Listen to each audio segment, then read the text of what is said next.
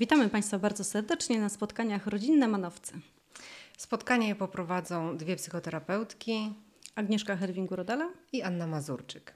Pomysł na te spotkania e, wziął się z, z grup, które prowadziłyśmy dla rodziców, grup rozwojowo-edukacyjnych, które były tak skonstruowane, że e, pojawiały się na nich jakieś problemy, jakieś trudności e, rozwojowe, które rodzice zgłaszali.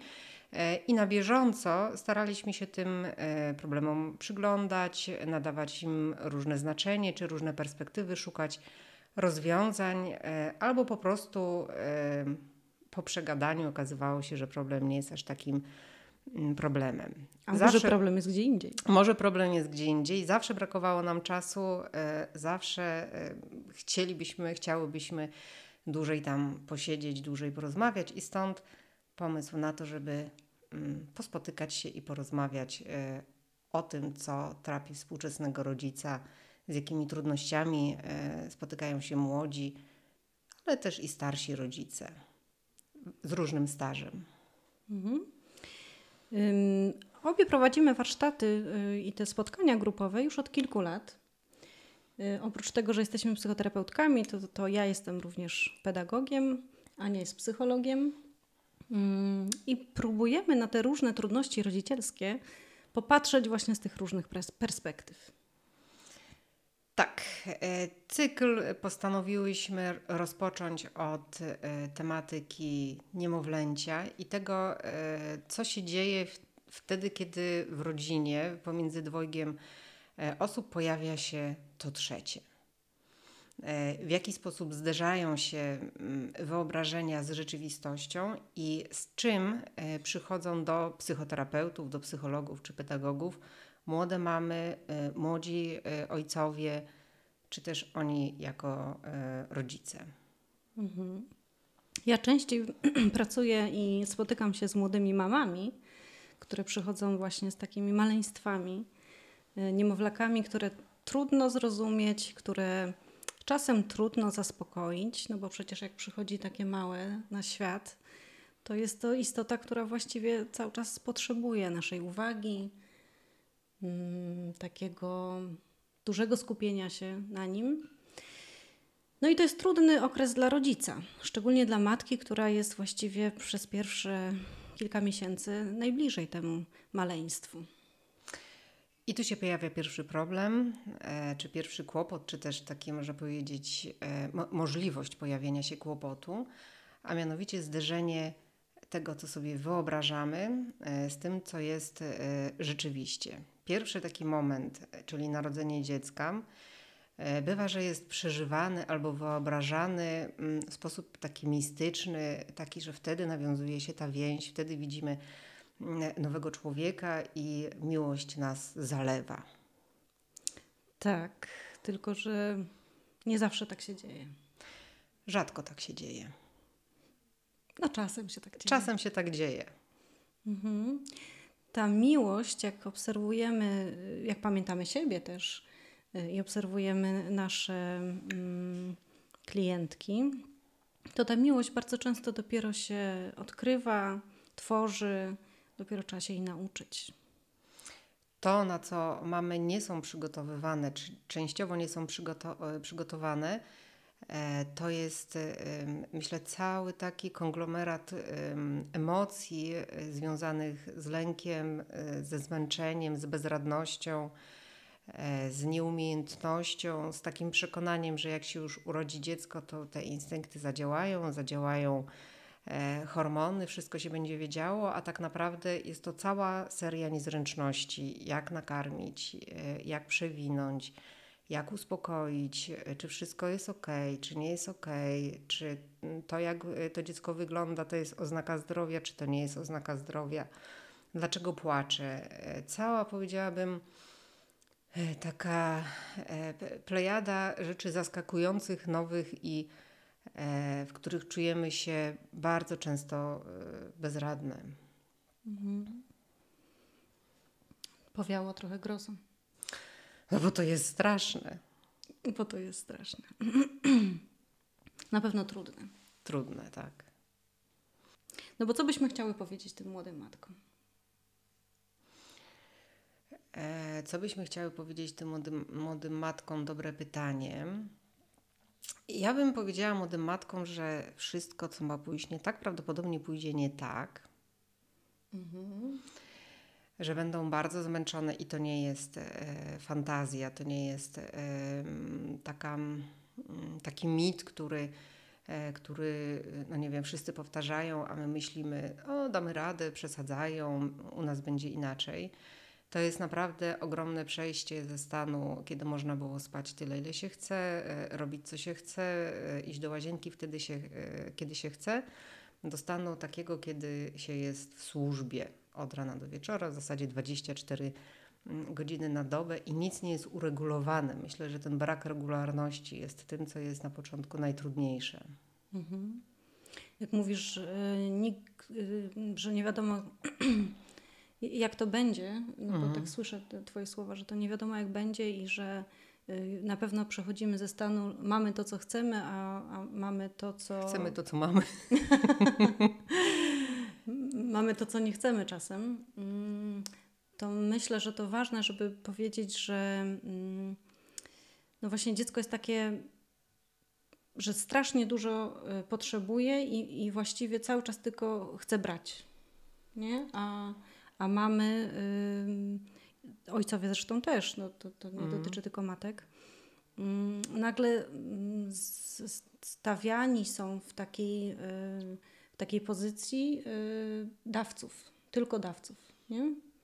Że mm, trudne dla matek, jak, jak ym, ja rozmawiam z matkami, to trudne dla nich jest to, że nie ma skąd czerpać. Tak, szybko y, się jakby zdzierają z energii do kości. E, I już e, nie, nie ma czasu na regenerację, tym bardziej, że e, nawet wtedy, się, kiedy się kładziemy spać, to z tyłu głowy jest takie, mm, taka myśl, że nie wiadomo, czy będzie nam dane 10 minut, pół godziny, godzina czy dwie godziny. I ta regeneracja jest naprawdę bardzo mocno ograniczona. Myślę też o samotności młodych matek. O tym, że y, mężowie idą do pracy na 8-10 godzin z dojazdami Mm, i one w tej be- bezradności, w tym e, w takim uczeniu się, ale też radzeniu sobie ze swoją fizycznością po, poporodową, do, doświadczają bardzo dużej pustki, takiej, takiej właśnie, no nie wiem, samotności chyba naj, naj, naj, najpełniej to oddaje Takiej dojmującej. samotności. dojmującej samotności, plus oczywiście poczucie winy, czyli nie wyrabiam się. No tak, bo mm, takie myślenie o sobie, że chciałabym być idealną matką, przy okazji idealną żoną czy partnerką, nie wiem, gospodynią domową, czy patrząc na każdą rolę, jaką, y, jaką kobieta może przyjąć, mm, to to myślenie y, o- sobie w takim kontekście jest chyba bardzo powszechne, nie? Tak, kiedyś miałam taki pomysł, ale go nie zrealizowałam. Taki pomysł, żeby wziąć kilka przypadkowych magazynów czy książek, przepisać to na rozkład dnia, książek, które dotyczą wychowania, porad y, odnośnie wychowania dziecka. Rozpisać to i mam pełne przekonanie, że nie dałoby się tego zrobić w ciągu jakichkolwiek 24 godzin. Jeżeli by e, realizować wszystkie zalecenia odnośnie karmienia, odnośnie czystości, odnośnie e, stymulacji małego dziecka, odnośnie uspokajania go i pobudzania go, rozwijania go e, i nawiązywania właściwej, prawidłowej więzi i ca- aha, i jeszcze dbania o siebie i o relacje i karmienie siebie, żeby karmić dziecko. Tego się nie da zrobić. Tego się nie da zrobić. I mówimy to i z własnego doświadczenia, i z doświadczenia gabinetowego, poradnianego czy terapeutycznego. E, t- Też takim problemem, który się pojawia na grupach czy e, w takich indywidualnych spotkaniach, jest rzecz może wstydliwa, ale jakoś my jesteśmy z tym oswojone, e, że tych naszych dzieci czasami nie lubimy. E, Że mamy ich dość, że chcielibyśmy tak Zwolnić się z tej roli. Zwolnić się z tej roli. E, mamy też myśli czasem nawet e, karalne, czy jakieś takie, których się wstydzimy, ale bywa, że to dziecko rzeczywiście złości i to złości bardzo. Są takie myśli też, że gdyby nie ono, nie, roz, nie rozpadłby się związek. Mhm. Albo gdyby nie ono, to byłabym szczęśliwsza. Tak. Mhm. Chociaż ja też często spotykam się właśnie z tym mm, takim poczuciem winy, które smaga jak bicz, y, że to ja jestem złą matką, dlatego że się złoszczę na to dziecko. Tak, nie ma, e, nie ma takiej zgody, nie ma przyzwolenia na to, że czasami nie cierpimy swoich dzieci. A czasem jest to jak najbardziej naturalne i chciałybyśmy obalić ten mit. My już bardzo długo nie cierpimy i kochamy swoje dzieci. Jednocześnie. Jednocześnie. mhm. Żeby nie było aż tak depresyjnie, to może powiemy coś miłego.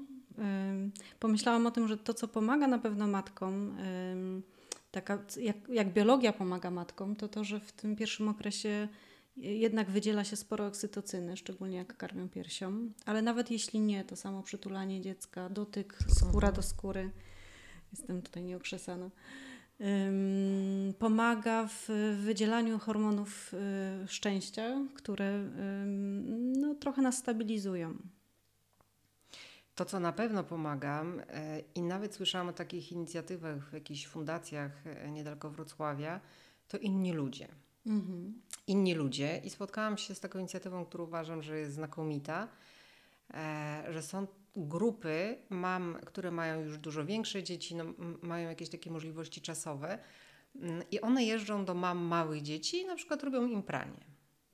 Ale czad. E, przywożą jedzenie e, albo lulają te dzieci e, i mama może wtedy się napić kawy, poczytać e, cokolwiek. Idą z nimi na spacer, mogą porozmawiać. Jakby wspierają tak jak kiedyś się e, kobiety wspierały w wioskach, e, w jakichś kręgach, w plemionach no I też są jakby pod telefonem. Można do nich dzwonić, można się im wypłakać, można się poradzić, można po prostu porozmawiać. Mhm.